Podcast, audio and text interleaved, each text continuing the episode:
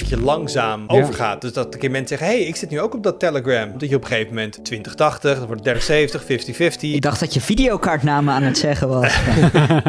dat waren percentages.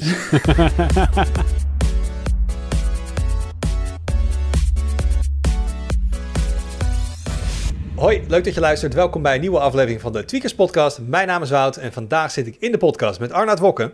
Hoi. Met Thomas Hochtenbach. Hoi. En met Jelle Stuip. Hallo. En het gebeurt niet elk jaar dat er een nieuwe Windows-versie uitkomt. Sterker nog, het leek er tijd op dat er ook meer een nieuwe Windows-versie uit ging komen. Althans, dat had Microsoft ons beloofd. Want Windows 10 zou tot in het einde der tijden geüpdate worden. Tot ze bedachten dat het toch wel leuk is om nieuwe dingen uit te brengen of zo. Daar gaan we het zo over hebben. en nu is er Windows 11. Uh, zowel Thomas als uh, Jelle zijn daar uh, flink, flink ingedoken. Want net van, van tevoren even gehoord, Arnaud is nog niet geüpgrade. Ik heb al wel geüpgrade, dus alle meningen komen over tafel zo. Uh, maar voordat we dat gaan doen, gaan we eerst even naar de highlights. En ik begin bij Thomas. Wat heb jij voor deze week meegenomen? Ja, we zijn aangekomen in toch wel qua, qua hardware-introducties de drukste maand van het jaar, oktober. En dat wordt dan ook wel vaak uh, een, een beetje, een beetje uh, op een leuke manier gezegd als Techtober. Maar hij gaat, dit jaar gaat Techtober vier dagen wie, langer wie heeft, wie heeft Techtober bedacht? Weten we dit? Dit moet toch ergens een marketingafdeling geweest zijn, of niet? Nee, volgens mij is het een, een YouTuber die dat, uh, die okay. dat uh, als eerste in, in ieder geval populair heeft gemaakt. Ik bedoel, er hebben vast meer mensen dit bedacht, dat het ligt wel heel erg voor de hand. Maar, uh, Techtober, ga door. Ja, vier dagen langer, zoals ik zei. En, en, en hij duurt namelijk tot 4 november dit jaar. Vertel. En dat, dat komt omdat misschien wel de grootste launch van PC-hardware, namelijk de nieuwe reeks processors van Intel, die gaat plaatsvinden op 4 november. Dat weten we inmiddels. Dat hebben, is op meerdere manieren naar buiten gekomen. Intel heeft het nog niet officieel bevestigd, maar inmiddels is het wel, wel echt duidelijk dat het 4 november gaat worden. En uh, dat betekent dus dat dat een beetje de grootste, ja, echte PC-hardware release van het jaar. Uh, en dan heb je het natuurlijk niet alleen over de processors, maar ook over de moederborden, DDR5-geheugen voor het eerst. Dat, gaat, dat gaat allemaal begin november komen. Dus we hebben, dus, en wat is er dan wel in Techtober? Hebben we nog interessant, of verplaatst gewoon Techtober naar november eigenlijk stiekem? Nou, voor mij zijn er heel veel andere producten die in oktober nog uitkomen. We hebben natuurlijk net Windows 11 gehad. Uh, ik meen dat er in de, in de geruchten ook nog wel een nieuwe videokaart voorbij is gekomen. Um, dus dus uh, we staan zeker niet droog. En volgens mij gebeurt er in, uh, in telefoonland ook nog wel genoeg. Er komen nog pixeltjes aan volgens mij. Zeker. Ja, en er, en, er, en er komt nog meer aan. En uh, Jelle, volgens mij heeft Apple nog MacBook Pro's in de pijplijn zitten die uh, zo'n M1 uh, aan boord hebben. Ja, die geruchten gaan natuurlijk ook al een hele tijd dat er, dat er een M2 of waarschijnlijk M1X processor aan zit te komen rondom die nieuwe MacBook Pro's. En laten we ook niet vergeten de nieuwe versie van macOS, macOS Monterey, zit er ook nog aan te komen. Ik dacht deze maand gaat in ieder geval lang Maar in mijn hoofd is het ook altijd gewoon het hele vierde kwartaal dat het gewoon losgaat. Dus ik, Hmm. ik kijk blijkbaar te weinig YouTube. Maar, um, want Thomas, als, als 4 november die chip wordt aangekondigd, dan even heel realistisch. Wanneer hebben consumenten dat dan in hun handen? Ja, nou vroeger zou ik zeggen, plaats een pre-order en je hebt hem op 4 november in huis. Maar uh, dat durf ik nu niet meer zo heel hard te zeggen eigenlijk. Uh, ja, dit, ik, ik, hoop dat Intel de supply een beetje op orde heeft. Uh, maar ja, het ligt ook een beetje aan hoe leuk die producten worden. Kijk, als dat, als dat de beste uitvinding sinds het gesneden brood wordt... dan staat iedereen ervoor in de rij. En dan succes met er nog dit jaar eentje bemachtigen. Als het uiteindelijk allemaal wat tegenvalt... ja, dan zal het met de verkrijgbaarheid wel Maar meevallen. jij, jij volgt het op de voet. Dus wordt dit de beste uitvinding sinds gesneden brood? Ja, de geruchten die de afgelopen maand gaan. Uh, nou, we hebben voor mij op de site gehad dat er, dat er, dat er wat Cinebench scores zijn en dergelijke. Waarin alle uh, Ryzen 5000 processors uh, worden verslagen door het nieuwe Intel topmodel. Nou, als dat waar zou zijn, dan zou dat voor het eerst in nou, misschien wel ruim twee jaar zijn dat, dat Intel wel echt een, een serieus antwoord heeft op, op de, de meest luxe Ryzen processors. Dus nou, dan, dat uh, klinkt veelbelovend. En we hebben natuurlijk vaak gehad over de, de, de chiptekorten, en vooral bij de fabs, bij de plekken waar het geproduceerd wordt. En Intel die bakt die dingen zelf. Hebben zij, staan zij er beter voor als een TSMC, zeg maar, qua productie kunnen draaien?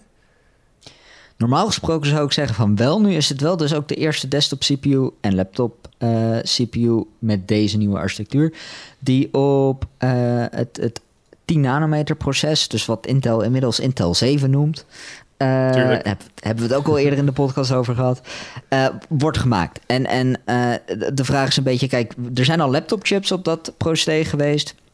Tiger Lake onder andere. En en deze chips die nu voor desktop moeten worden gemaakt, die zijn wel echt een stukje groter. Dus als je dan nog met problemen zit qua, qua yields of qua hoeveel chips die van de band rollen gelukt zijn als het ware, dan gaat dat je op de desktop veel harder raken dan bij kleine laptopchips. Dus dat valt nog een beetje af te wachten. Maar ja, Intel kan in ieder geval zelf kiezen waar het zijn capaciteit voor inzet. Terwijl bijvoorbeeld een AMD, die moet concurreren met, met, met nog vijf andere uh, bedrijven die ook wel heel graag TSMC-chippies willen. Nou ja, en AMD moet volgens mij ook echt heel lang van tevoren dit soort dingen vastleggen en inkopen. Omdat het natuurlijk een externe partij is. Als, uh, lijkt me moeilijk om last minute tegen TSMC te zeggen... nou, we willen toch eventjes wat productie opvoeren voor iets. Dat gaat je niet lukken, inderdaad. Dat, dat soort contracten heel erg lang al liggen. Gaat, gaat AMD nog dit jaar iets doen? Of moeten ze daarvoor dan weer op volgend jaar wachten? Ik denk dat ze het een beetje laten afhangen van hoe goed Alder Lake gaat zijn. Uh, we weten dat ze een paar dingen in de pijplijn hebben. Onder andere een Ryzen 5000 processor met een extra uh, cache. Dat noemen ze 3D cache, meen ik. Erbovenop als, als extra package. Dus ook met zo'n geavanceerde packaging technologie van, van het TSMC. Um, dat zou eventueel nog dit jaar kunnen. Ze kunnen het ook naar volgend jaar trekken. Zeker als Alder Lake toch niet zo uh, heel geweldig blijkt te zijn. Um, voor een echt nieuwe generatie denk ik dat we dit jaar nog te vroeg zijn. Die volgende generatie uh, met, met Zen 4 cores... die zou dus op TSMC's 5 nanometer proces worden gebakken. En voor zover ik weet heeft Apple nog altijd praktisch... de volledige 5 nanometer capaciteit van TSMC uh, in gebruik voor voor de, de, de, de M1's en de, en de chips in de, in de iPhones en zo. Dus uh, dat zal nog wel even duren voordat AMD die processors überhaupt kan gaan maken. Maar Thomas, als, als Intel nieuwe processors heeft die nou ja, ongeveer hetzelfde kunnen als wat AMD nu biedt. En ze kunnen ze wel aanbieden tegen redelijke prijzen en ze zijn een beetje goed verkrijgbaar. Dan winnen ze toch gewoon? Ja, de AMD-processors zijn tegenwoordig ook wel prima verkrijgbaar. Wat je alleen ziet is dat AMD heel erg focust op, op een bepaald segment, een beetje het luxere segment. En als je een processor onder de 200 euro wil kopen bijvoorbeeld, dan hebben ze eigenlijk niet, of in ieder geval geen courant aanbod. Um, ik denk dat Intel met die verkrijgbaarheid vooral inderdaad er voordeel bij kan hebben dat ze in één keer een veel groter deel van de markt kunnen gaan bedienen. Dus in één keer laptops en desktops tegelijk. Uh, of tenminste tegelijk laptops zouden dan begin 2022 komen, maar wel heel dicht op elkaar. Uh, en, en ook gelijk van, van, van je Core i3 tot je i9 en alles ertussenin. Maar voor de meer enthousiaste uh, doelgroep waar wij ons op richten... Um, het is niet alsof je nu geen CPU kan kopen. Bij videokaart is het gewoon koop wat je kopen kan. Ja. Um, en als je iets voor een enigszins betaalde prijs, die gewoon doen. En of het dan, ja, welk merk het dan precies van is en dat soort dingen, dat, dat, die luxe heb je bijna niet. Maar voor mij is wat je zegt, het is iets minder erg in de CPU-markt op dit moment. Ja. Ja, Oké, dus, dus tech... Ik heb gewoon een nieuw woord geleerd, jongens. Techtober. en dan krijgen we dus in november krijgen we... Dan begint, eigenlijk begint eind oktober dan waarschijnlijk Black Friday of zo. Dat is toch mhm. ook tegenwoordig in uh, een half jaar. En dan gaan al die fabrikanten ook nog eens stunten met dingen. Dan gaan ze ons allemaal vertellen dat we toch echt nu dit nodig hebben. Dus, ja, dat, is ehm, natuurlijk, dat is natuurlijk wel de reden waarom er zoveel in oktober komt. Uh, rond Black Friday zijn er zoveel mensen elektronica aan het kopen je wil gewoon in de winkel liggen dan. Dus als je want eigenlijk mensen komen dan binnen voor de aanbiedingen en niet voor het allernieuwste. Maar de, voor mij is Black Friday dan gewoon weer onderdeel van het hele vierde kwartaal, wat in Amerika ook een beetje begint met uh, Thanksgiving. En dan hebben wij natuurlijk uh, Sinterklaas en kerst. Ik bedoel, ik heb wel het idee dat, dat, dat weet ik in ieder geval van uh, data uit de Pricewatch, maar dat zal ook voor andere markten gelden, dat gewoon consumenten in het vierde kwartaal van het jaar best wel veel geld uitgeven. Um, denk dat ze gewoon rondom de zomer misschien vakanties en dat soort dingen, maar gewoon spullen kopen is toch echt wel een oktober, november, december dingetje. Dus, um, maar in ieder geval, dat is wel oktober dan, uh, daar zijn we nu. Dus het, het, het, het, het kan beginnen, het kan losbarsten. Dus ik hoop dat mensen nog geld over hebben na dit jaar. Hm. Er komt van alles uit. Um, Jelle, je hebt iets gedaan. Ik heb wat gedaan. Ik heb namelijk een, uh, een, een toetsenbord van een MacBook Air vervangen. Een uh, 2015 model MacBook Air en, uh, en nu doet je webcam het niet meer? Of is dat zo'n iPhone-ding? dat als je één onderdeel vervangt, dat het andere niet meer werkt? Nou, dat is, dat is dus wel grappig, want dat zijn echt die latere modellen. En dit was het 2015-model. Dus ik dacht van, nou... Ik heb al vaker een toetsenbordje vervangen van een laptop. Ik denk, ik ga dit, uh, ik ga dit doen. Dus ik had een toetsenbordje besteld van uh, eh, 12 euro of zo uit, uit China. En um, netjes een guide erbij gepakt om, om te kijken van wat moet je allemaal doen. En het, het, ging, het ging heel goed. Moet, kan ik wel zeggen. Hmm. Ja, je, je, voelt al. Je voelt Lieve luisteraar, wij kunnen Jelle zien en zijn gezicht vertelt ons dat het niet altijd tot het eind goed ging, zeg maar. uh, spoiler alert, de operatie is succesvol gegaan. Maar het gaat. De patiënt is overleden? Oh. nee, het, het, het, gaat mij, het gaat mij vooral om de manier waarop. Dat wou ik even vertellen. Want Um, eigenlijk was deze, deze laptop best goed repareerbaar. De, de accucellen waren niet vastgelijmd. Die zaten in een soort van, van kooitje. Dus dat, dat zat met vier schroefjes vast. Kon je zo eruit halen. Nou, accu los, top. Uh, moederbord ging er redelijk makkelijk uit. En dan heb je dus alleen nog um, ja, dus die, die schil van de laptop met het toetsenbord erin over. En uh, dat zat onder zwart folie. Daar zit dan weer de backlight van het toetsenbord onder. Nou, ook voorzichtig eraf gehaald. En toen keek ik dus in het instructiefilmpje van... oké, wat is de volgende stap? En de volgende stap was... ja, plak allemaal tape op de, op de achterkant van het toetsenbord. Tape op de achterkant van het toetsenbord, waarom kan ik dat niet gewoon losmaken? Nou, je moest dus eerst de 50 schroefjes losmaken. En dan moest je het toetsenbord uit de behuizing trekken... Want het toetsenbord zit allemaal op een soort van uh, rivets, een soort van nokjes. En op het moment dat je dan het toetsenbord eruit haalt, dan trek je dus fysiek die behuizing stuk. Oh. En, en dan kan je een nieuw toetsenbord erin zetten. En toen dacht ik, hè? Seriously? Ik ben zo diep in die, in die, in die MacBook gekomen om, om dat toetsenbord te vervangen. En ik moet gewoon de behuizing kapot trekken. En um, ik heb nog even zitten googelen. Dat is dus echt de enige manier. En ehm, als Apple dus een toetsenbord vervangt, dan, ze, dan vervangen ze ook meteen de hele tapcase. Mm Dus ze vervangen niet de toetsenbord, ze vervangen gewoon die, dat hele deel van de behuizing waar het toetsenbord in zit, samen met het toetsenbord. Klinkt niet heel duurzaam dit. Nou ja, toen, toen dacht ik inderdaad van, waar, waar, waar, gaat het nou over? Nou is het een beetje, op het moment dat je zegt van, uh, ja, Apple uh, slecht repareerbaar, dan dat, dat zal niemand uh, opvallen. Maar ik dacht van, nou, volgens mij gaat het wel lukken. Ik had ook ergens gezien van, ja, kan je vervangen. En ik kom, je, kom hierbij. Nou, toen was ik weer teleurgesteld. Um, je merkt het ook nog eens op het moment dat je typt, want het toetsenbord veert nu een beetje in. Want ja, het, het hangt dus niet op al die nokjes. Um, dus eigenlijk moet jij nu ook uh, voor uh, erg vanaf uh, Chinese website even een nieuwe cover bestellen? Ja, maar met geïntegreerd toetsenbord dus. En, oh, dan heb je weer een tweede toetsenbord gekocht. Ja. Beetje zonde. dat is ook niet duurzaam. Nee, en uh, voor, voor een oude laptop die ik wilde fixen, vind ik het ook een beetje... Want was dit trouwens nog pre-Butterfly, pre of niet? Ja, dit was pre-Butterfly. Dat, dat kwam in 2018 model van de van de Ah, oké. Al die ellende heb je dus niet mee te maken. Nee, maar het is dus bij de Butterfly toetsenborden ook volgens mij zo... dat, dat de hele tapcase met toetsenbord wordt vervangen. Als je als dat stuk gaat. En de grap is, het gaat stuk ehm, bij iedereen. Op het moment dat je zo'n Butterfly laptop kocht, dan uh, had, had, Apple al een, een soort garantieplan in werking dat zodra je er probleem mee kreeg, dan werd het vervangen. Dat is wel mooi, hè? Apple in de zin van dat ze dan zeggen: het is nooit stuk, het is altijd bij design. Maar we hebben wel een hele garantieprocedure als het stuk gaat. Maar dat zeggen we niet officieel. Ja.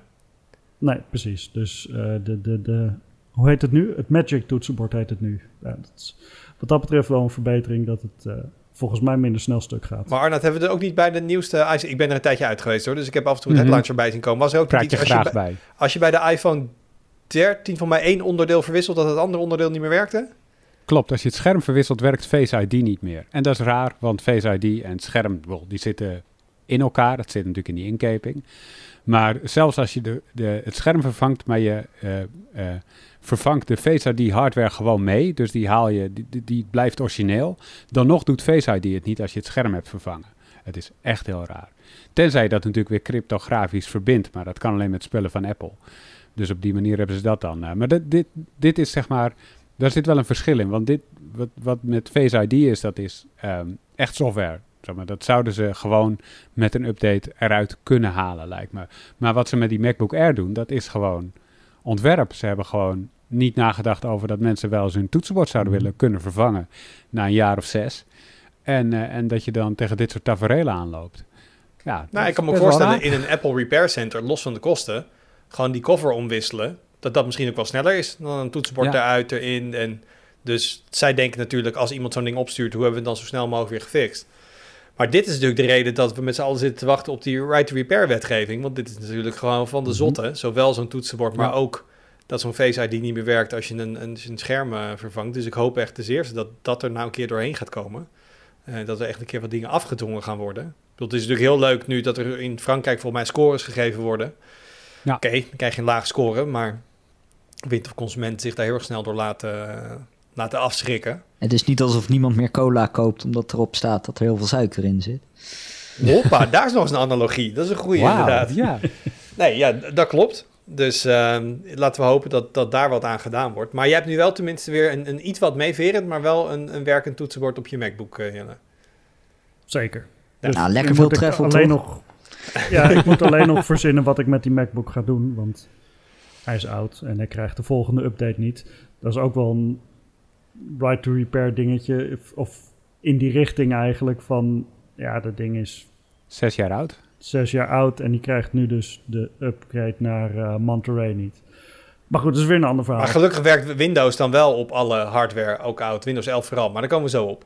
Um, Precies. Arna, voordat ik hem naar jou doorga, wil ik even, want ik denk dat jouw onderwerp er daar iets langer bij stilstaan. Even, even kort tussendoor. Ik was, um, ik was met vakantie, dus daarom zat ik even niet in de podcast. Um, en ik was uh, uh, lekker ver weg in, in de bossen van, uh, van Canada. En um, dat vind ik altijd fijn ik op vakantie ben. Je hebt hier een, een bepaalde context in je leven. En je bent heel veel, ik in ieder geval op mijn telefoon. En constant eventjes Facebook. Ja, Facebook niet, maar Instagram en social media. Je bent constant aan het appen. En dan word je even in een hele andere situatie gegooid. En dan maakt dat een heel stuk minder uit. En dan ben je af en toe drie dagen zonder bereik. En dan is het allemaal prima. Maar wat me daar wel bij opviel, is dat tegenwoordig enorm veel apps enorm slecht zijn in offline zijn. Um, dat, en ook voor redenen die ik niet heel goed snap. Kijk, dat ik geen YouTube-video kan kijken als ik offline ben en ik heb het niet offline gemaakt, dat snap ik, of Spotify. Maar ik had bijvoorbeeld, ik wilde gewoon het weer even checken. En normaal, als hij het weer binnenhaalt, doet hij dat voor de komende zoveel dagen. Maar in de standaard weer-app op Android, um, elke keer als ik het weer open, dan gaat hij opnieuw ophalen. Dus het feit dat ik die ochtend nog verbinding had, het weer had gecheckt, die middag denk ik, oh, ik wil even kijken wat het weer morgen is. Dat kan dan niet meer. Um, of ik weet dat ik iets op de voorpagina op de app van de NOS had gelezen. Denk, oh, ik open die app nog eventjes, want dat staat vast ergens gecached, gewoon die headline. Dan gaat hij alles opnieuw ophalen. En ik ben toen best wel gewoon eventjes, uh, zeg maar, uh, naast mijn campertje gewoon allemaal apps afgegaan. En de, de, hoeveelheid apps die gewoon een lege pagina voorschotelen, terwijl ze wel gewoon data ooit hebben binnengehaald nog recentelijk dat, dat, vond ik echt bizar. En ik snap dat in het dagelijks leven hier in Europa merken we dat niet. Want je opent gewoon een app en een refresh en het komt binnen.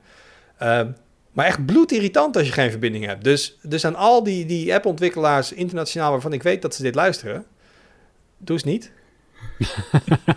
ja, ik weet niet of jullie dit wel eens opgevallen is bij normaal gebruik in Nederland. je zei, normaal hebben we dit in Nederland niet, maar we hadden natuurlijk recent wel. Uh, we hebben met, met de Facebook-storing en zo. En toen viel me inderdaad ook op dat Instagram bijvoorbeeld niet gewoon foto's liet zien die je daarvoor had bekeken. En die die al, al bij de vorige keer dat je die app open had, heeft opgehaald. Maar dat dat inderdaad gewoon een, een zwart scherm was. In de dark mode tenminste. En, uh, en, en, en ja, ik, ik vond dat wel vreemd. Ik, ik heb ook nog even gekeken, zou dat dan een hele lichte app zijn of zo? 700 MB was de, ja, de, de, cache van de Instagram-app. Ik denk, wat, wat cachen jullie dan in die 700 MB... als ik niet eens mijn laatst bekeken foto nog kan bekijken? Dat, dat is echt een hele scherpe inderdaad. Ik, ik zou het ook niet weten. En er zijn ook genoeg apps waarbij, um, waarbij het ook helemaal niet nodig is... om, om zeg maar, zo'n weer-app. Dus dan haal je de weer voor de komende paar dagen op en elk. En dat is ook zonde. Ik bedoel, we hebben dataverkeer over. Uh, het, het, is allemaal in, in, in uh, grote hoeveelheid, uh, aanwezig voor ons. Maar hoe zonde is het om elke keer... En tuurlijk, het is 100 kb hier, 200 kb daar. En, maar ik, ik, ja, ik, ik zou het mooi vinden als dit soort ontwikkelaars misschien... Um, een, een, beetje spaarzamer zouden omgaan. Net zoals dat geoptimaliseerd wordt voor snelheid en accuduur en dat soort dingen. Of dat zou je hopen dat dat gebeurt. Hm. Ook eigenlijk voor, voor datagebruik. Ik wij hebben de massa dat we geen bundels hebben. Maar je hebt ook misschien weer landen waar ze nog wel bundels hebben. Um, Nederland heeft gewoon bundels hoor. Nou, in ieder geval uh, limieten. Um, en ja. die, die zijn bij ons behoorlijk hoog, laat ik het zo zeggen. Um, ik kom niet zo heel snel... Vooral omdat we op heel veel plekken wifi hebben. Mijn 4G-bundel die, die gaat niet zo snel doorheen. Dus ik vond het ergens wel uh, vanuit uh, een soort van duurzaamheid oogpunt dacht ik ook van ja, en ik vond het irritant. Want ik had toen echt geen internet en ik wilde echt de weersvoorspelling weten. En toen dacht ik, ja, die, die, die heb ik nu gewoon niet. En ik kan naar de wolken kijken, maar als je in de bergen zit, is het elke uur anders. Dus gelukkig was de meneer van de, van de campingplaats, die printte elke ochtend. Uh, die had wel een schoteltje. Uh, die printte elke ochtend een A4'tje uit met daar weather.com met de weersvoorspelling. En die, die hing hij dan in een klein houten huisje. En dan moest je daar s ochtends heen wandelen. Dus die komt er wel uit. Um, maar ja, ik vond, het, ik vond het opvallend hoe slecht te maar telefoons in het algemeen gewoon zijn in... Uh, bijvoorbeeld, ik wilde... Op een Android-telefoon wilde ik uh, volgens mij... Um, ja, ik, wilde, ik had een update geïnstalleerd via de Play Store. En die deed een beetje gek, Google Maps. En dan kun je normaal naar de Play Store kun je zeggen uninstall de update. En dan gaat hij gewoon terug naar de fabrieksversie zeg maar, die op de telefoon stond. Daar mocht ik gewoon niet meer bij omdat ik geen internet had. Want zodra ik de Play Store opende, zei hij je bent offline. Ja. Maar gewoon mijn geïnstalleerde apps beheren en dingen daarmee doen, dat mocht al niet. Dat kan dus ook in de instellingen. Nee, hier kwam ik dus dit specifieke scherm uh, kwam ik niet bij. Ah. Uh, terug, terugdraaien van een update in plaats van de hele applicatie weggooien. Maar um, maar ik ga je nu toch een tegenargument uh, geven, Wout. Want ik snap prima waarom ontwikkelaars dit doen. Want stel je voor, jij ontwikkelt een weerapp. En, um, en op het moment dat je de app laat, laat je een oud scherm zien. Dan denken mensen, oh, dat is de weersvoorspelling. Terwijl die inmiddels anders kan zijn. Dus ik snap heel goed dat je dan zegt, nou, ik zorg altijd dat wat je ziet, dat het niet eerst het oude is en dan het nieuwe. Maar bam, gelijk het nieuwe. Uh, want het, de, de, weersvoorspellingen veranderen gewoon in de loop van de tijd. Dus dan ja, ik snap om. het eigenlijk wel. Dan, dan doe je eerst een internetcheck en als je die niet hebt, dan pak je die 700 MB cache die je ergens hebt met je data. en dan laat je dat, dan laat je dat scherm ja. zien. Ja. ja, dat kan ook. Ja, dus... Weet, je, weet, je, weet, je, weet je, Thomas, welke app wel gewoon werkte maandagavond tijdens de Facebook-storing? Vertel. Die van, face, die van, Facebook zelf, die liet gewoon je oude posts zien als je dat wou. Ah, nou, jammer ja. dat niemand meer Facebook zelf gebruikt. Ja, die ene app heb ik dus niet inderdaad. dus dan kan je nog uh, posten naar 2014. Ja, nee. Dus dat, dat was even mijn... Uh, het was geen highlight. Het was een, uh, een, een, een rant en een oproep. Um, dus er zijn ook wel eens mensen zonder internetverbinding en, en hou daar een beetje rekening mee. Oh, lieve telefoon en appmakers. Uh, maar je noemde al eventjes, jullie allebei ja. trouwens, de Facebook-storing. ik zag hem bij jou als highlight zijn, Arna. Het is bijna een, een, een hoofdonderwerp, maar dat maakt niet uit. Want uh, voor veel mensen, wat zij zien als nou, het internet, of een groot deel van het internet, dat deed niet meer. Ja, klopt. Het aantal lijntjes van jouw highlight naar mijn highlight is nog veel groter dan dat je denkt. Um, want die Facebook-storing, ja, die, dat weten we allemaal, die was er. Facebook, Instagram, WhatsApp, de, de internetdiensten van Oculus lagen er allemaal uit. Tussen kwart voor zes en ongeveer middernacht, maandagavond. Uh, gewoon een menselijke fout, iemand die een verkeerde update heeft gepusht. En, uh, en daardoor alles offline trok. Um, alle uitleg kan je lezen op de site. Dat was niet eigenlijk waar ik bij stil wilde staan per se.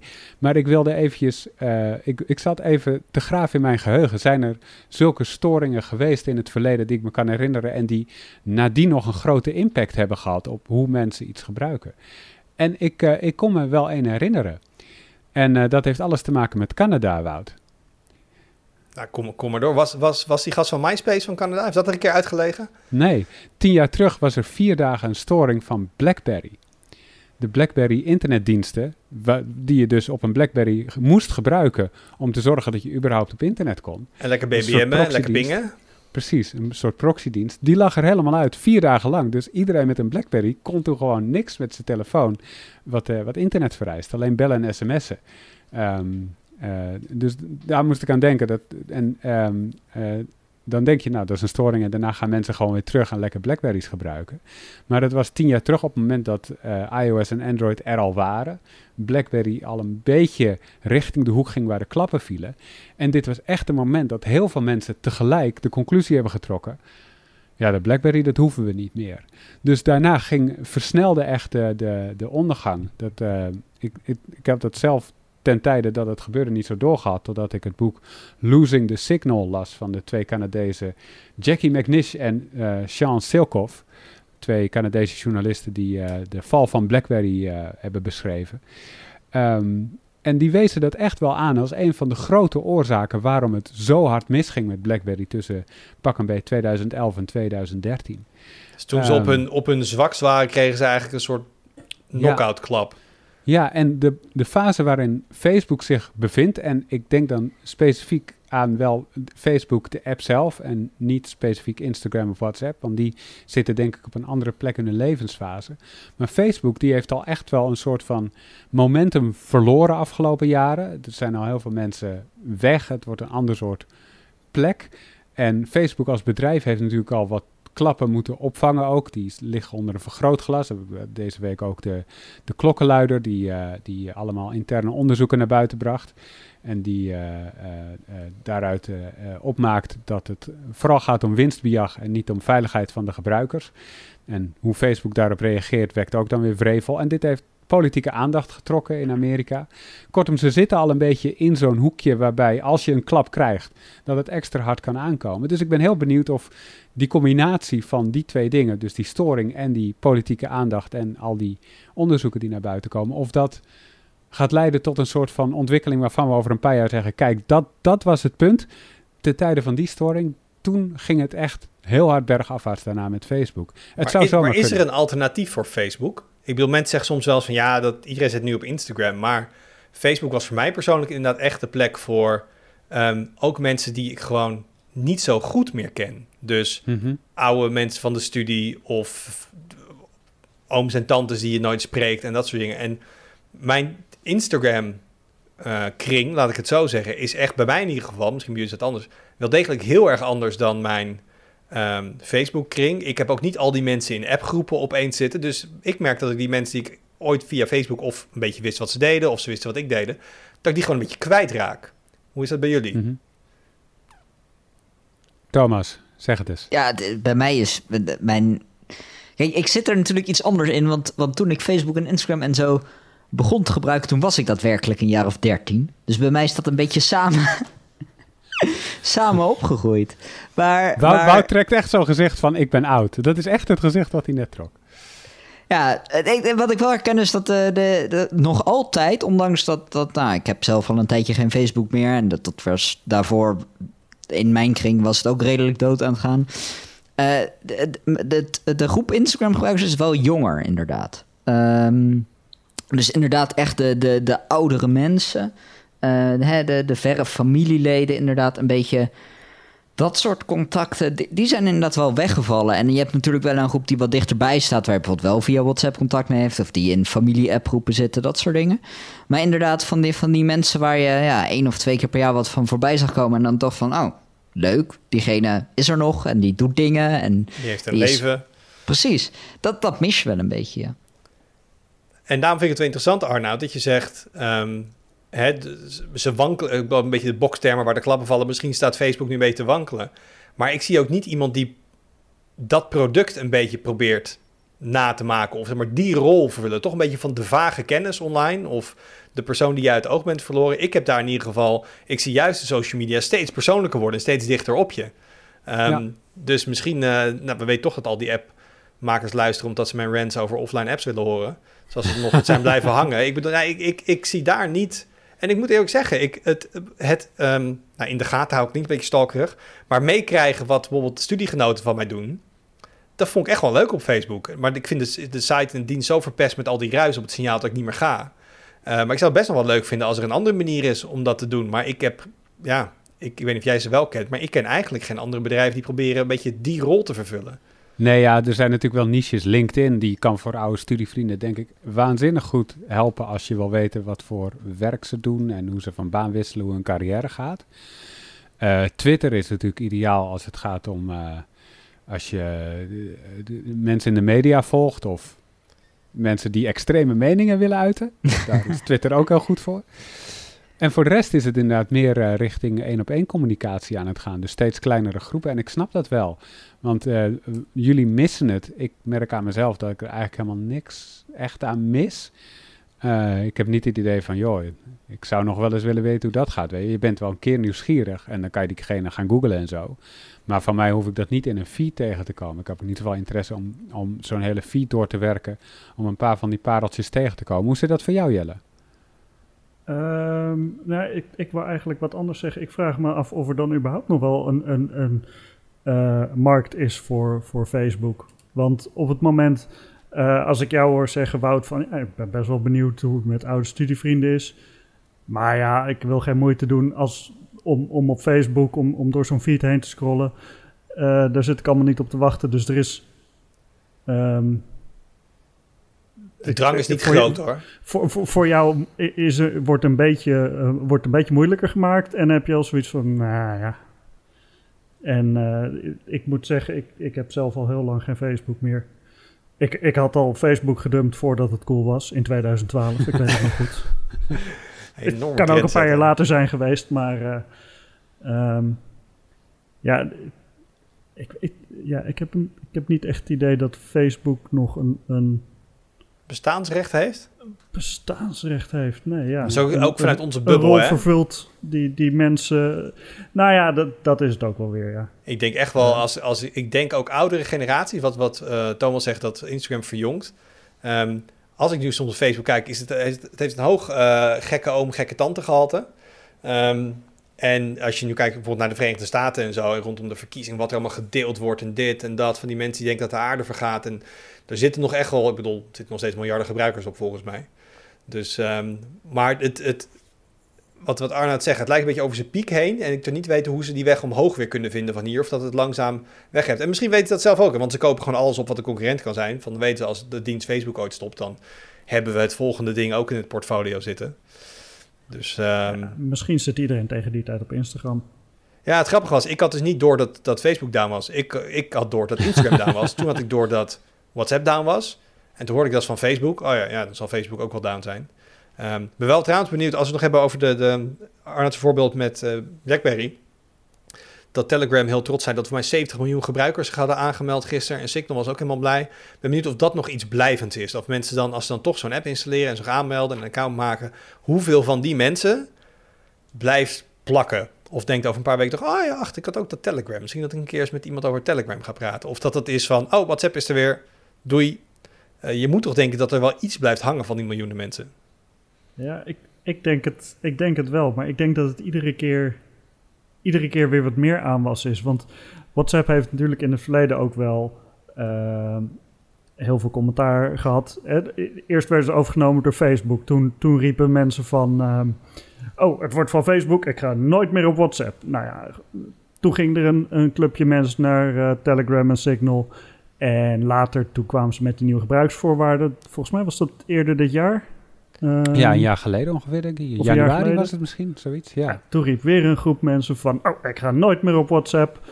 En op die manier, volgens mij migreren er toch wel steeds meer mensen naar alternatieven. Ik merk het zelf ook dat er dat ik steeds meer mensen op uh, Signal kan spreken dan op WhatsApp. Of, Doe je dat ook, uh, omdat het kan? Of ja. kijk je gewoon zo'n berichtje, hey, Pietje is aan Signal en dan ga je door. Ja, ik, ik vind dat persoonlijk heel irritant dat op het moment dat jij op Signal bent, dat dat aan, aan, aan je hele adresboek gedeeld wordt. Um, maar um, met, hoeveel, moment... met hoeveel verschillende personen signal jij? Ik heb er één op vaste basis, dus ik heb nog wel wat te winnen. Vier, vijf. Hmm. Jij Arnoud, Thomas, zit jullie op Signal überhaupt? Ik zit wel op ja. Signal, ja. Ik, uh, moet zeggen, ik heb geen enkel Signal berichtje gestuurd of ontvangen tijdens de Facebook-storing. maar in, in het oh. algemeen, met hoeveel individuele mensen eh, communiceer jij op regelmatige basis op Signal? Nul. En ik heb nog best wel een, een jonge tech-geïnteresseerde vriendengroep. Dus ik heb echt wel nou, 20, 25 connecties daar, maar niemand praat daar. Ja, je kan mij gewoon een berichtje sturen, Thomas. Ja, nou jij ja. Thomas kunnen We kunnen met z'n allen over de podcast overleggen in Signal, hoor ik al. Ja, ik heb er wel een aantal mensen, vooral mensen die met beveiliging bezig zijn, die uh, graag via Signal communiceren. Maar uh, inderdaad, maar het probleem is, Wout, dat niet dat je ook via Telegram of Signal kan communiceren, maar de stap om vervolgens WhatsApp weg te gooien, die is heel groot. Want dan moet je ja. echt iedereen meekrijgen met wie je op regelmatige basis... Ja, maar dat vind ik ook niet realistisch. Ik denk dat wat realistisch is, dat je langzaam overgaat. Dus dat een keer mensen zeggen, hey, ik zit nu ook op dat Telegram. Oh, dat is tof man, die stickers. Kom, dan gaan we gewoon voort. En dat je dus langzaam, dat je op een gegeven moment 2080, dan wordt 3070, 50-50. En op een gegeven moment denk je, hey, ik zit met meer mensen op die andere dienst. Want van de een op de andere dag... Ik dacht dat je videokaartnamen aan het zeggen was. Ik zat ook 2080, 3070. Het waren percentages. Het is wel heel duidelijk weer de, de, met wie ik aan tafel zit hier. Um, Oké, dus dat, uh, dat, dat gaan we in ieder geval in de gaten houden. Want je zou nogmaals, van die tientallen miljoenen nieuwe accounts zou je toch moeten denken dat dat ergens, net zoals bij BlackBerry, ook een wat blijvender effect heeft. Um, Misschien zijn het een stuk of elf, Wout. Het was ook zonder geluk, Arne, maar dankjewel. Oh. uh, Windows 11. Um, ehm, ik zei het even aan het intro. Uh, Microsoft die, die, die zei ooit van ja, Windows 10 is gewoon de final version of Windows. Dit gaan we updaten. Uh, Jelle, Thomas, wie het weet mag het inkoppen. Waarom zei Microsoft dat eerst en waarom zeggen ze dan nu... nee, we gaan toch Windows 11 uitbrengen? Wat, wat is de reden daarachter geweest?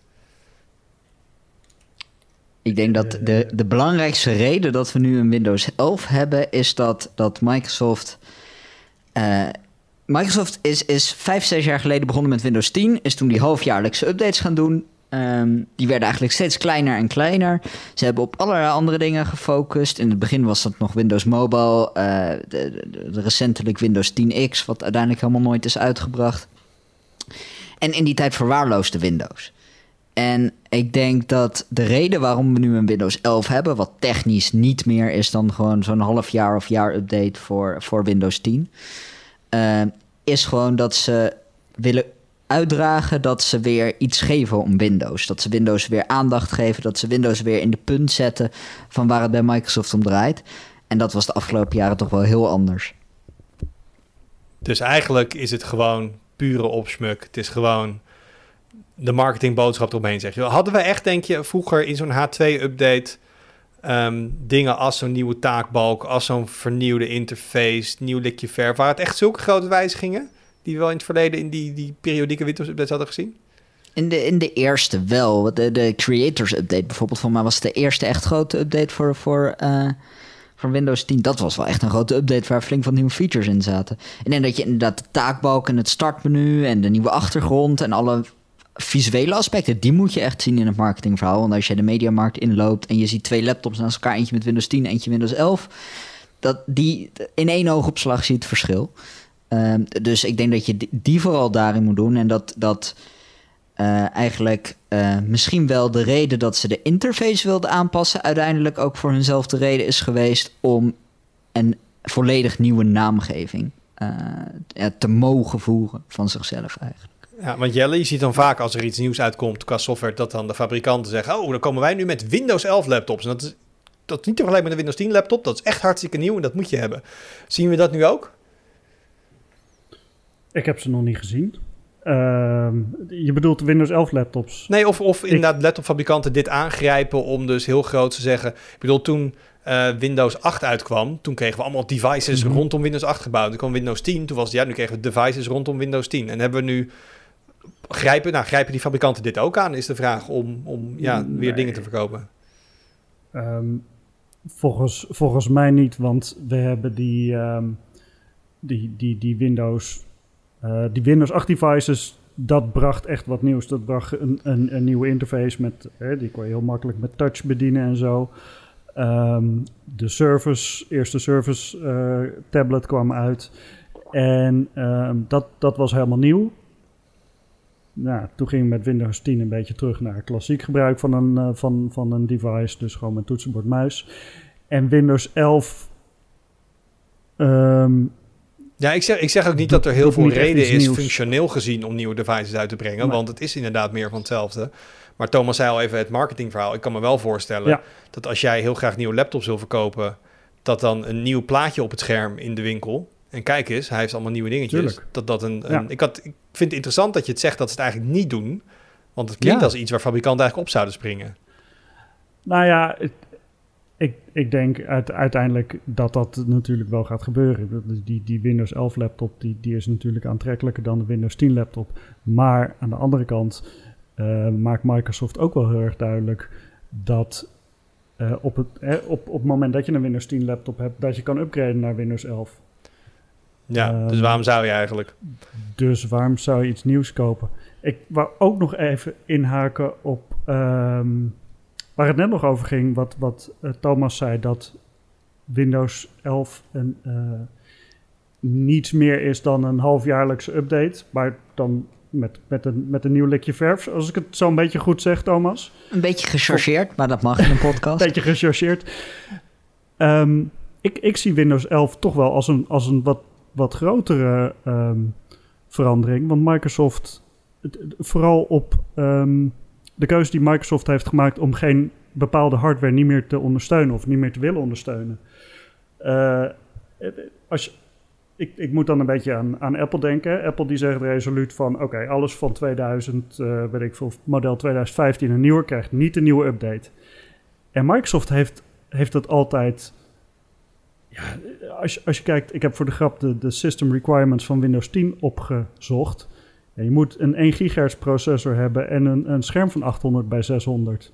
En nu hebben ze system requirements bedacht die, die um, best wel hoog liggen. Als je een, als je een systeem hebt van meer dan twee of drie jaar oud, dan kan je al geen Windows 11 draaien in sommige gevallen. Um, Tot grote onvrede van veel Windows-gebruikers. ja. Dus, je, dus jij zegt de grote wijziging is eigenlijk dat Microsoft nu de, de ballen heeft gehad om een keer die, die streep in het zand te trekken en te zeggen: oké, we gaan nu een beetje van die legacy hardware af. Um, ja, nou, je kan het noemen de ballen heeft gehad. Ik, ik ik weet niet hoe, in hoeverre ik het eens ben met die, met die beslissing. Maar ze hebben wel gezegd van die legacy hardware doen we niet. We doen geen 32-bits versie meer maken van Windows.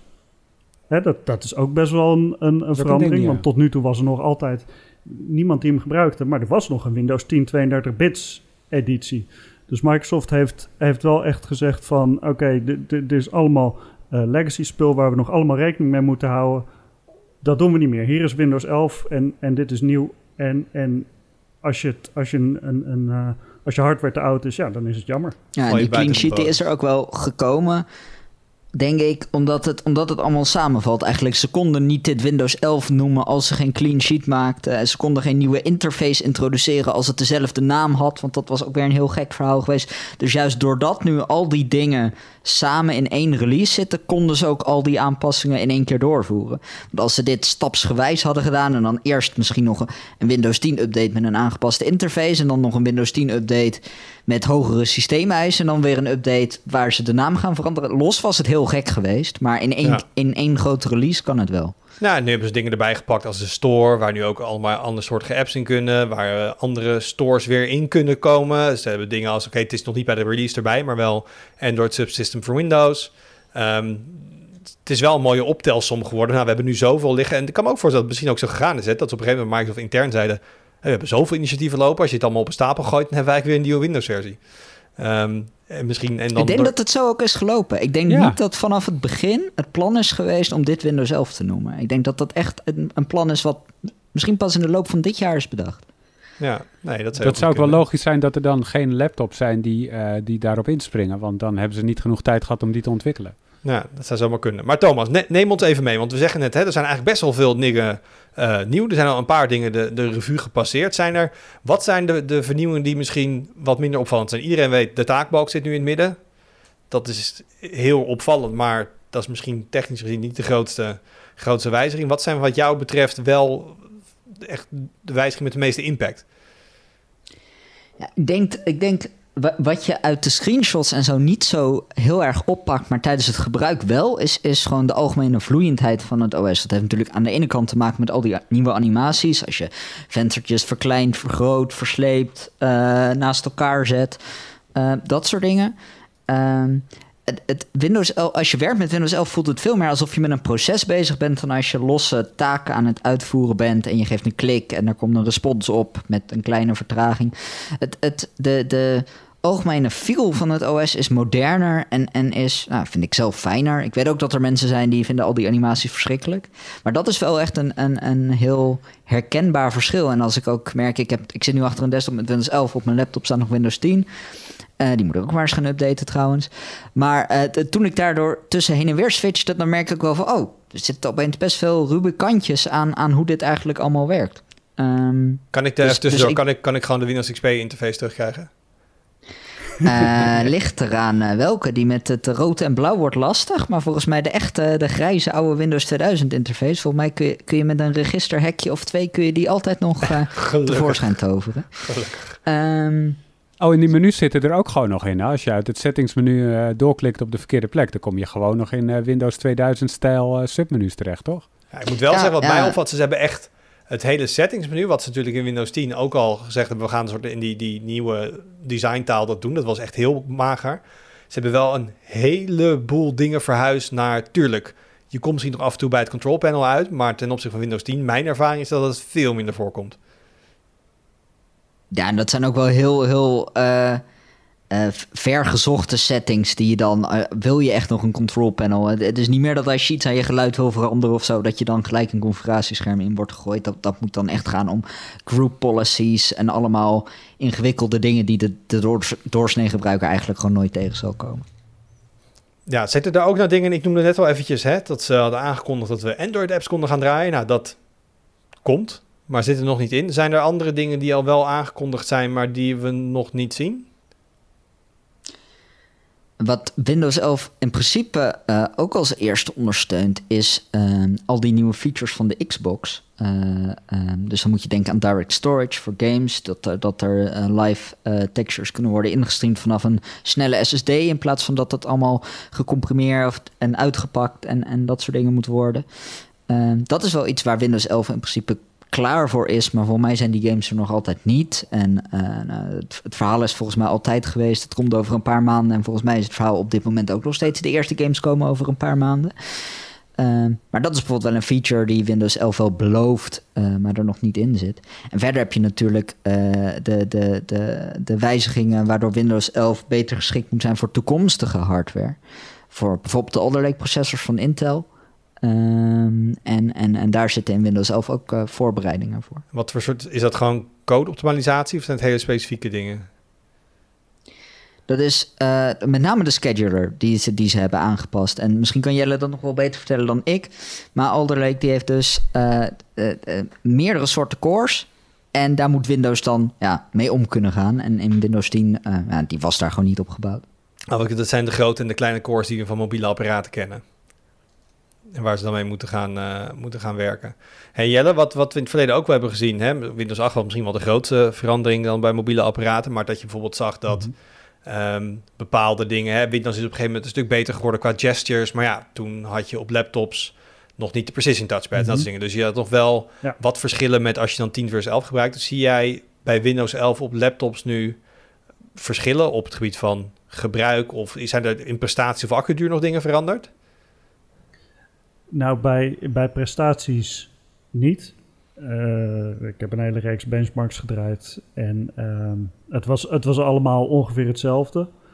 Wat accuduur betreft wel. En uh, ook, ook echt wel significant. En dit is een beetje een slecht verhaal. In, dus niet, in positieve of negatieve zin? nee, in positieve zin. Nee, uh, ik heb op uh, twee Tiger Lake uh, laptops, dus 11e generatie Intel, heb ik Accutest in Windows 10 gedraaid en in Windows 11. En um, in Windows 11 was het een uur of anderhalf uur langer bovenop een accuduur van, nou, laten we zeggen, een uur of tien.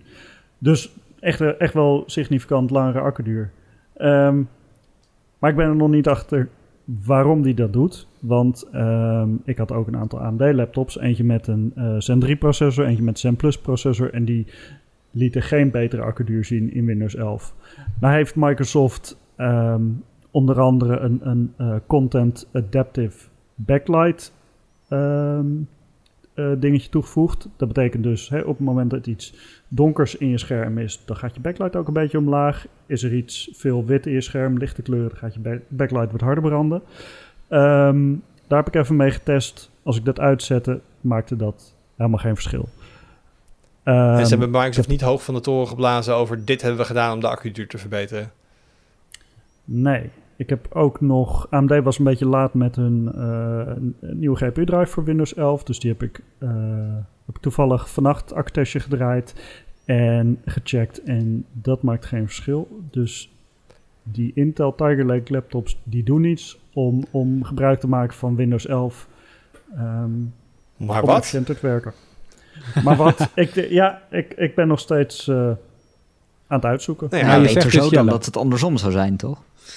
Ja, dat, is dat het negatief werd beïnvloed en we wisten niet waarom. Maar het zou leuk zijn voor de mensen met een AMD-laptop als, als die deze, deze Magic ook uh, even kunnen, even kunnen doen. Um, Thomas, desktop, je zei net al, hè, dingen als die, die direct storage, dat soort zaken. Is, is er verder nog, kunnen we prestatieverbeteringen verwachten op desktop? Of is het gewoon dezelfde DirectX 12 en dat soort zaken? Uh, hoef ik voor gaming niet zoveel te verwachten. helemaal, helemaal ehm, alles doorgetest in het testlab. We zijn ruim een week bezig geweest. Alles getest. Intel-processors, AMD-processors, AMD-videokaarten, Nvidia-videokaarten. Grote gemene deler, het maakt helemaal niks uit. Uh, hier en daar zie je een paar procentjes eraf, een paar procentjes erbij. Um, wat, wat, als ik een hele kleine takeaway op desktopgebied mag brengen, is Nvidia lijkt zijn drivers net een tikje beter te hebben voor, uh, voor elkaar te hebben dan AMD. Je ziet dat een, uh, de 3080 Ti waar we hebben getest, die gaat er gemiddeld 2,7% op vooruit. Ik denk niet dat iemand ooit achter zijn computer heeft gezeten en dacht: ik had graag gewild dat mijn computer 2,7% sneller was. Dus kortom, in de praktijk ga je er niet zoveel van merken. Maar goed, het is altijd mooi meegenomen. En bij AMD zagen we eigenlijk ja, virtueel dezelfde. En, of zelfs marginaal. Maar dan praat je dus echt over sub 1% mindere prestaties. Maar toch, Nvidia-gebruikers hebben een kleine boost. AMD-gebruikers niet. Dus props to Nvidia. En uh, hopelijk kan AMD er uh, met wat optimalisaties ook nog net wat meer uitpersen. Maar oké, maar voor de, de, de performance wins hoef je dus niet te doen. Um, nou, jij, Arnoud zei net, ik heb nog niet geupgrade. Jij zei net, ik heb al één device geupgrade, Thomas. Ik moet de andere nog doen. Um, wat, wat, wat zou jij, jouw advies zijn als het inderdaad een... Uh, niet zo'n enorm grote update is, zoals een, een H2-update voor Windows hadden we waarschijnlijk gewoon gezegd, installeer hem gewoon, is goed, veilig, secure. Uh, zijn mensen aanraden om meteen om die update-knop te rammen? Uh, nou, meteen hoeft in principe niet. Je ziet dat Microsoft ook super terughoudend mee is. Dat zelfs als je gewoon op een Windows 10 PC die gewoon compatible is, op, op handmatig op update zoeken drukt. En dan krijg je alsnog niks. Want het is echt maar van nou, misschien sub 1% waar ze mee begonnen zijn om die update te pushen op de eerste dag. Uh, ik denk dat je dat, uh, dat, dat zult zien gebeuren. Zie je bij de laatste Windows 10 versies trouwens ook. Hè, dat, dat er enorme groepen gebruikers nog op één of twee versies geleden zitten. En dat eigenlijk pas op het moment dat de, dat de versie die die mensen uh, op dit moment gebruiken, dat die uit de ondersteuning dreigt te lopen, dat ze dan die mensen één versie gaan opschuiven. Of gelijk naar de nieuwste versie zetten. Dus nee, het, het moet niet per se. En met Windows 10 zit je ook nog gewoon vijf jaar veilig met veiligheidsupdates en zo. Aan de andere kant, ik heb ook niet echt heel veel redenen uh, kunnen vinden om het niet te doen. Als je uiteraard een PC hebt die, uh, die compatible is. Nou ja, als en als de nieuwe interface hier aanstaat. Ik moet zeggen dat ik kwam op... Um, we hadden nieuwsberichten over. En toen was in de, de, de reactie was bij mensen veld dat blijkbaar een feature die ik echt al jaren niet meer gebruik. Maar Um, dat is denk ik al sinds Windows 8 op de taakbalk dat vensters gecombineerd worden. Dus stel je hebt drie keer Windows Explorer openstaan, dan zijn er drie verschillende dingen op je taakbalk. En het standaard gedrag tegenwoordig is dat het gecombineerd wordt. En dan moet je hoveren en dan zie je drie dingetjes. Um, ik was er al helemaal lang aan gewend. En ik dat best wel veel mensen bij ons heel erg vasthielden aan nee, ik wil het niet gecombineerd hebben. Uh, en dat kan niet in de nieuwe taakbalk bijvoorbeeld. Of mensen, nou Arnoud, hebben erover gehad, die hem links willen zetten en je kan hem niet links zetten. Um, dus ik denk wel dat dat als je gewoon je kan vinden, denk ik, in de wijzigingen van Microsoft. Ja, ik ben, ik ben ook gewoon geüpgrade. En net zoals jij vind ik het plezierig dat het allemaal wat netter in elkaar steekt. En dat het een likje verf gehad heeft en mooi geanimeerd is en wat meer coherent is. Um, maar ik denk, ik zei net al gekscherend, kan ik nog terug naar Windows XP. Ik denk mensen die gewoon heel lang Windows gebruiken en heel erg gewend zijn hoe het vroeger ging en heel graag elk oud minuutje willen kunnen openen om de oude settings terug te zetten. Ik heb wel het idee dat dit zo'n Windows-versie is waarbij je dan op een gegeven moment echt tegen muren gaat oplopen, want sommige dingen kunnen gewoon niet meer. Ja, en ik denk dat het ook wel een beetje. Eh, je ziet eigenlijk twee groepen gebruikers. Inderdaad, groepen die juist klagen over alle oude legacy en Windows. En inderdaad, dat je nog af en toe in een configuratiescherm terechtkomt. Als je een beetje aan het tweaken slaat. En, en dat zijn ook de mensen die klaagden over inconsistenties in de UI. Dat, dat je nog Windows 8 elementen en Windows 7 elementen en Windows 10 elementen allemaal door elkaar had. Nou, dat Microsoft die groep wel echt blij maakt met Windows 11. Door het allemaal wat meer gelijk te trekken. Al heb ik nog steeds het volumebalkje van Windows 8. Maar goed. Um, en, en, en, en juist die andere groep, inderdaad, die juist wel heel erg waardeerde dat al die, al die legacy nog in Windows zitten. Ja, die zal op sommige punten inderdaad of moeten toegeven. Aan de andere kant, ik heb natuurlijk ook eerder geroepen, Windows is Windows. En uiteraard gingen er tooltjes komen om dit allemaal te fixen. En die zijn er inmiddels ook. Dus er, er zijn tooltjes om de oude taakbal terug te krijgen. Om je uh, om, om, om niet uh, iconen samen te voegen. Om hem links, rechts, boven, op zijn kop. Uh, wat je ook wil. dus het, het kan allemaal. En, en, en dat, dat blijft toch ook een beetje de charme van Windows. Want is er voor de rest een reden om niet op Windows 10 te willen blijven zitten? Hoe zit het met de ondersteuning daarvan? Of kun je gewoon eigenlijk nog prima de komende jaren met Windows 10 uit de voeten? Ik denk dat, dat er niet echt een reden is waarom je dat niet zou willen, anders dan dat je uh, gewoon de nieuwe functies en het nieuwe uiterlijk van Windows 11 tof vindt. Uh, je krijgt gewoon beveiligingsupdates. Er komt zelfs nog zo'n halfjaarlijkse update uit voor Windows 10. Dus specifiek voor de mensen die niet naar Windows 11 kunnen of willen upgraden. Um, dus nee, voorlopig in ieder geval tot 2025 zit je met Windows 10 ook nog gewoon goed. En uh, het zou me niks verbazen als ze dat uh, met, net als met Windows 7 is gebeurd, ook nog wel een paar keer gaan verlengen. Ja, alright, duidelijk. Dan, uh, dan rond ik hem daar af. Dus upgrade als je wil. Het hoeft niet, maar het ziet er pretty uit. Arnaud, jij gaat gewoon totdat de taakbalk aangepast kan worden, blijf jij gewoon vasthouden? Zeker, ja. Ik heb gewoon het idee dat Windows 11 uh, uitgebracht is, terwijl het nog niet helemaal af was. Want het zijn heel veel dingetjes waarvan je denkt, dat zat gewoon in Windows, dat is weg. Um, dus ja, ik wacht gewoon tot het af is en dan, uh, dan, uh, dan ga ik upgraden. En anders dan ga je in 2025 wennen aan je startbalk beneden inschermen.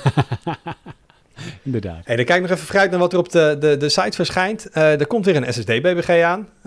er komen niet enorm veel SSD's uit per jaar. Maar wat denk ik wel interessant is, dat die prijzen nog wel eens willen fluctueren van het flashgeheugen. Dus dat de een opeens interessanter wordt dan de ander. Dat is weer op een, uh, op een rijtje gezet. Uh, Far Cry 6, daar is gok ik. Durf zomaar te gokken dat Jur daarmee bezig is. Dat vind ik wel eens een titel waar hij uh, naar kijkt. Um, hebben ze een goede acteur voor gestrikt volgens mij. Hoe heet die vent? Ik zag in de, de, de reclame zag een hele bekende kop voorbij komen. Die ik ook van, van verschillende tv-series ken. Dat zie je ook af en toe vaker. Dat ze goede budget hebben bij die games. Ja. Ik, dat ik heb geen idee wie je bedoelt. Maar, ja, uh... ik zie hem echt nu voor me. Het is ook een heel slecht voorbeeld dat ik dit geef, zonder dat ik hem nu kan ja, maar de advertenties die herken ja. ik inderdaad wel. Mijn Instagram feed stond ook helemaal vol met Far Cry 6 en die man. Maar hoe die heet? Nee, dat, ja, van uh, die Breaking, Giancarlo, nog iets. I don't know. Um, ja. Slecht verhaal. Volgende keer ga ik zijn naam van tevoren opzoeken. Uh, en we hebben nog uh, voor de smart home uh, fans... hebben we komt een plus verhaal volgende week over je Raspberry Pi inzetten voor smart home. Deel 2, daar hadden we al een eerder stuk voor. Dat wordt een een serie. Uh, want nou, een beetje tweaker heeft natuurlijk een Pi liggen. Daarnaast heeft waarschijnlijk ook een beetje tweaker een Pi liggen waarvan je niet meer weet wat hij ermee moet doen. Want dat ding ligt ergens stof te happen. En hoe leuk is het dan om hem uh, voor je smart, smart home in te zetten. Alright jongens, uh, dankjewel. Dankjewel voor het luisteren. Mag ik nog één dingetje teasen, Wout? Oh, nog iets teasen? Hij stond er niet bij. Echt leuk. Maar we hebben het verhaal vervroegd. Uh, dus, dus ik kan het teasen, want het komt voor de volgende podcast uit. We hadden het over uh, Europese right-to-repair regels. Ja. En voor laptops weet ik het niet, maar voor smartphones komt er wel iets aan. En alle details die kun je volgende week lezen in een verhaal. Oeh, en dat staat dan weer los van het USB-C verhaal, standaardisatie? Ja. ja. het staat er niet helemaal los van. Het is onderdeel van dezelfde push om, om, om Europa duurzamer en klimaatneutraler te krijgen. Dus het hangt wel samen van, met hetzelfde beleidsterrein, maar ze staan er wel echt los van. Het is een heel ander voorstel. Het is nog geheim, maar volgende week een verhaal daarover. Maar wel geheim. Dus we hebben dit niet gezegd. Mm -hmm. Oké. Okay. Nee, ik, ben, ik zeg niks. Ik ben in de war. dankjewel jongens. Dankjewel voor het luisteren. Heb je feedback? Laat even een reactie achter op de site of stuur een mailtje naar podcast.tweakers.net. En je ziet ons en hoort ons weer volgende week. Doei.